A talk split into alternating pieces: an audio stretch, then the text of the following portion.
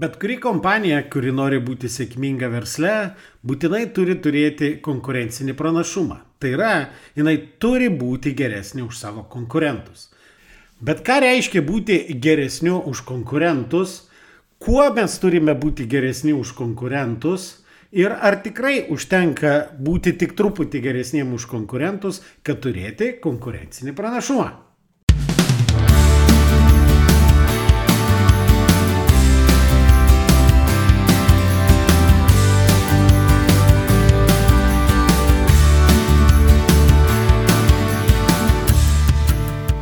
Sveiki, jūs klausotės podkasto Nuo amato prie verslo, kuriame tikima, kad verslas turi būti pajamų, pasiekimų ir pasitenkinimo šaltinis, o ne tik kelti stresą ir deginti laiką. Sveiki, su jumis aš, šios laidos autorius ir vedėjas, verslo konsultantas, treneris ir efektyvumo fanatas Nerius Esinaičius. Jau klausotės aštuntojo tinklalaidės epizodo.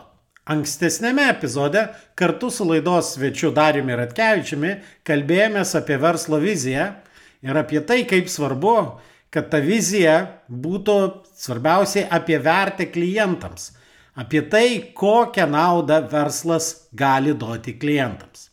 Šiandien aš pakalbėsiu apie strategijos kūrimą. Mano požiūriu, strategija turi aiškiai apibriežti tris esminius elementus. Pirmas strategijos elementas turėtų būti apie tai, kaip kompanija sukurs ilgalaikį konkurencinį pranašumą. Antras elementas tai yra to ilgalaikio konkurencinio pranašumo išnaudojimas. Tai yra kaip kompanija savo sukurtą ilgalaikį konkurencinį pranašumą pavers naudą savo, kaip jinai sugebės parduoti klientam tą pranašumą. Na, trečias svarbus elementas tai yra ilgalaikio konkurencinio pranašumo išlaikymas bei stebėjimas, kada kompanijai reikės susikurti naują ilgalaikį konkurencinį pranašumą. Taigi, gera verslo strategija yra apie kompanijos konkurencinį pranašumą. O kas yra tas konkurencinis pranašumas? O kas yra tas konkurencinis pranašumas? Štai, pavyzdžiui, internetinė Investopedija pateikia tokį apibrėžimą, kad konkurencinis pranašumas tai yra faktoriai ir charakteristikos, kurie leidžia kompanijai sėkmingiau ir efektyviau konkuruoti negu analogiškos kompanijos. Štai žodis konkurencija yra kilęs iš latiniško žodžio konkurentija ar konkūro, kas reiškia bėgų drauge. Ir Mes galime sakyti, kad konkurencingas verslas tai toks verslas, kuris bėga greičiau už kitus. Ir konkurencingas verslas generuoja daug daugiau tikslo vienetų, tai yra pridėtinės vertės ir pelno, palyginus su kitais analogiškais verslais. Viena iš mano mėgstamų konkurencinio pranašumo iliustracijų tai yra ta istorija apie du medžiotojus, kurie išvažiavo į Afriką medžioti liūto. Kuomet ryte prieš pat medžioklę tie medžiotojai susitiko, vienas iš jų avėjo sportinius bėgimo batelius. Kitas medžiotojas klausė, sako, kodėl tu su sportiniais bateliais, juk važiuoja medžioti, o ne krosą bėgti. Pirmasis medžiotojas jam atsakė, kad medžioklėje gali nutikti daug įvairiausių nenumatytų atvejų. Gali šautuvas užsikirsti, jie gali prašauti, gali tų liūtų būti daugiau, todėl jisai tuos batelius ir apsevė. Antrasis medžiotojas ir sako, tu žinai, kad liūtas gali bėgti beveik iki 60 km per valandą greičiu. Negi tu tikiesi, kad tu bėgsi greičiau negu liūtas. Tavo bateliai tau nepadės bėgti greičiau negu liūtas. Į ką pirmasis medžiotojas atsakė, kad man nereikia bėgti greičiau negu liūtas. Man užteks bėgti greičiau negu kiti medžiotojai. Kaip supratote iš šitos istorijos, konkurencinis pranašumas yra apie tai, kad jūs turite būti geresni už konkurentus. Jūs neprivalote būti idealiais, tiesiog jūs turite būti geresni už konkurentus ir tą savo gerumą išlaikyti pakankamai ilgai. Pats pavadinimas ilgalaikis konkurencinis pranašumas jau savyje atsineša labai svarbę reikšmę. Yra tai, kad tas konkurencinis pranašumas neturi būti kelių dienų. Reiškia, jūsų konkurentam turėtų būti labai sudėtinga nukopijuoti tą konkurencinį pranašumą. Pakalbėkime apie labai populiarų konkurencinį pranašumą, kurį stengiasi pasiekti daugelis kompanijų. Tai yra pranašumas žema kaina. Bet ar gali būti žema kaina ilgalaikis konkurencinis pranašumas? Jeigu mes sakom, kad ilgalaikį konkurencinį pranašumą turi būti labai sunku nukopijuoti, tai natūralus klausimas, kiek reikia laiko jūsų konkurentams, kad nukopijuoti jūsų kainą, jeigu jinai yra žemesnė. Kainos nukopijavimo greitis dažniausiai priklauso nuo konkurento darbuotojų sugebėjimo dirbti kompiuteriu. Na kiek laiko užtrunka pakeisti kainorašius ir juos išsiuntinėti e, klientams? Kažkada su vienu klientu darėme eksperimentą. Jie vienai savo prekių grupiai nusprendė pasiūlyti reikšmingą nuolaidą. Taigi buvo pataisyti kainorašiai ir išsiuntinėti klientams. Nepraėjo nei dvi valandos, kai mes jau buvome gavę pataisytus konkurentų kainorašius, kuriuose irgi buvo suteikta nuolaida tai prekių grupiai.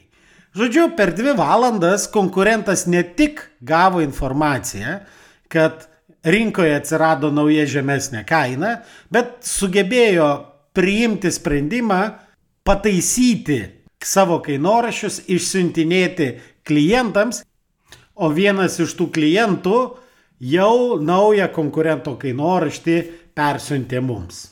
Ir visa tai užtruko mažiau negu dvi valandas. Todėl žema kaina negali būti ilgalaikis konkurencinis pranašumas. Jo labiau, kai jūs pradedate konkuruoti kainomis, tai prasideda kainų karas. Ir kainų kare laimi tik tai klientai. Ne viena iš kariaujančių pusių, o klientai.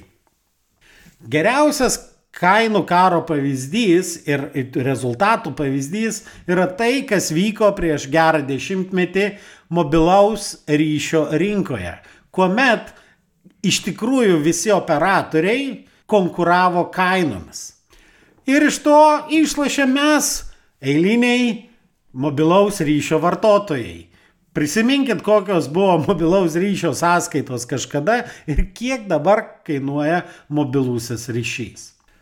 Bet kaip pavyzdžiui kiniečiai ar kiti, kurie užima didelę rinkos dalį tik dėl to, kad jų yra labai žemos kainos.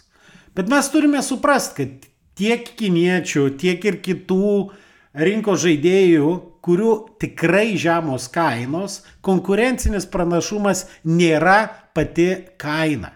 Jų konkurencinis pranašumas lypi kažkur kitur, Ir tas kitas konkurencinis pranašumas, kurio negali nukopijuoti kiti rinkos žaidėjai, leidžia šitam, šitai įmoniai turėti žemą kainą. Štai kiniečių konkurencinis pranašumas ilgą laiką susidėjo iš dviejų elementų. Pirmiausiai pigi darbo jėga, o kitas esminis konkurencinio pranašumo elementas tai buvo iš tikrųjų gamybos mastai. Dideli gamybos mastai leidžia turėti didelę masto ekonomiją, o didelė masto ekonomija leidžia turėti daug žemesnius pridėtinius kaštus, kas savo ruoštų leidžia turėti daug geresnę kainą išlaikant tą patį pelningumą. Todėl jeigu jūsų rinkoje atsirado kažkoks labai agresyvus žaidėjas su daug žemesniem kainom, pirmiausiai pasitikrinkit, ar jų visas veiklos modelis nėra koks nors reikšmingai kitoks negu įprastų rinkos žaidėjų verslų modelių. Taigi, koks galėtų būti kitas konkurencinis pranašumas, jeigu jūs nenorite leistis į kainų karą? Daugelis kompanijų, suprasdamos, kad negalės konkuruoti kainą, pradeda konkuruoti kitais dalykais. Neretai tenka girdėti apie tai, kad Mūsų konkurencinis pranašumas yra kokybė, mūsų konkurencinis pranašumas yra kokia nors technologija ar panašiai. Tai yra labai geri dalykai, visgi labai retai kada tai sukuria iš tikrųjų reikšmingą konkurencinį pranašumą. Kodėl buvimas netgi reikšmingai geresniu kažkokiu tai aspektu nebūtinai sukuria ilgalaikį konkurencinį pranašumą.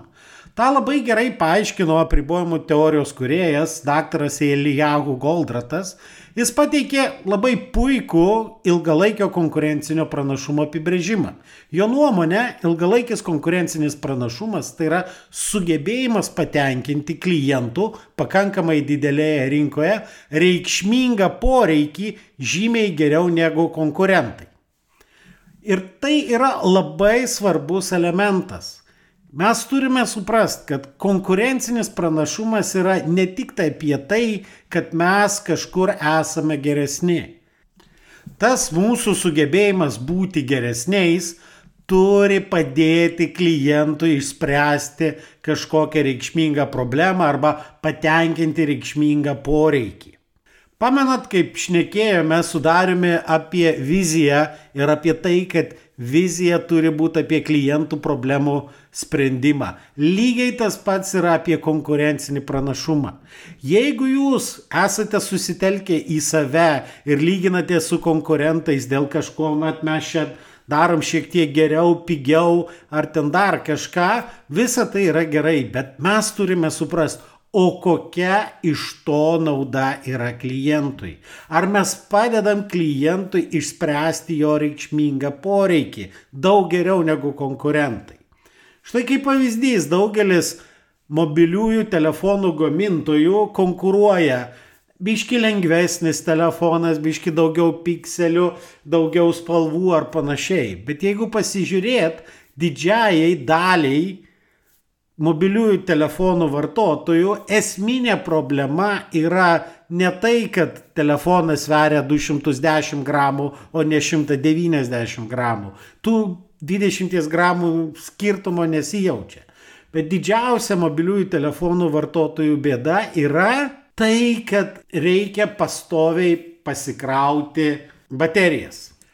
Aš tikiu, kad jeigu atsirastų mobilaus telefono gamintojas, kuris esant kitom sąlygom tom pačiom, tai yra tas pats pikselių skaičius, tas pats telefono svoris ir storis, bet toks telefonas laikytų 3-4 dienas be papildomo įkrovimo, toksai telefonas iš tikrųjų užkariautų reikšmingą rinkos dalį. Neretai kompanijos galvodamos apie tai, koks turėtų būti jų konkurencinis pranašumas, visą dėmesį sutelkia į savo vidų ir visiškai pamiršta klientų. Įmonių vadovų komandos lyginasi su konkurentais, stengiasi kažkokius aspektus savo paslaugos ar produkto pagerinti, tačiau retai kada susimasto apie tai, o kokia vis dėlto iš to pagerinimo nauda klientui ir ar tikrai mes sprendžiame tą reikšmingą kliento problemą arba mėginame patenkinti reikšmingą kliento poreikį. Šio epizodo namų darbas jums labai paprastas. Pagalvokite, koks galėtų būti jūsų verslo ilgalaikis konkurencinis pranašumas. Tai yra, atsisukite į savo klientą ir pagalvokit, kokį reikšmingą jo poreikį jūs galite patenkinti, ar kokią reikšmingą problemą jūs galite jam išspręsti daug geriau negu jūsų konkurentai tą gali padaryti. Ir pagalvokite, kokius pokyčius jūs turite pasidaryti pas save organizacijoje, savo įmonėje, kad susikurtumėt tuos savo sugebėjimus patenkinti kliento reikšmingą poreikį. O epizodą užbaigsime istoriją apie tai, kaip sultonas rinkosi savo naują žmoną. Vienas sultonas nusprendė, kad jam reikia dar vienos žmonos. Ir jo padėjėjai atvedė jam tris pretendentės. Sultonas nusprendė pasitikrinti tas pretendentės ir prieėjęs prie pirmosios jisai paklausė. Sako, kiek bus 2 plus 2? Pirmoji pretendentė į žmonas atsakė 3. O mano valdove, ar atkreipė dėmesį, kokia ši pretendentė yra taupi, pasakė valdovo patarėjas. Antroji kandidatė į žmonas į klausimą, kiek bus 2 plus 2, atsakė 4.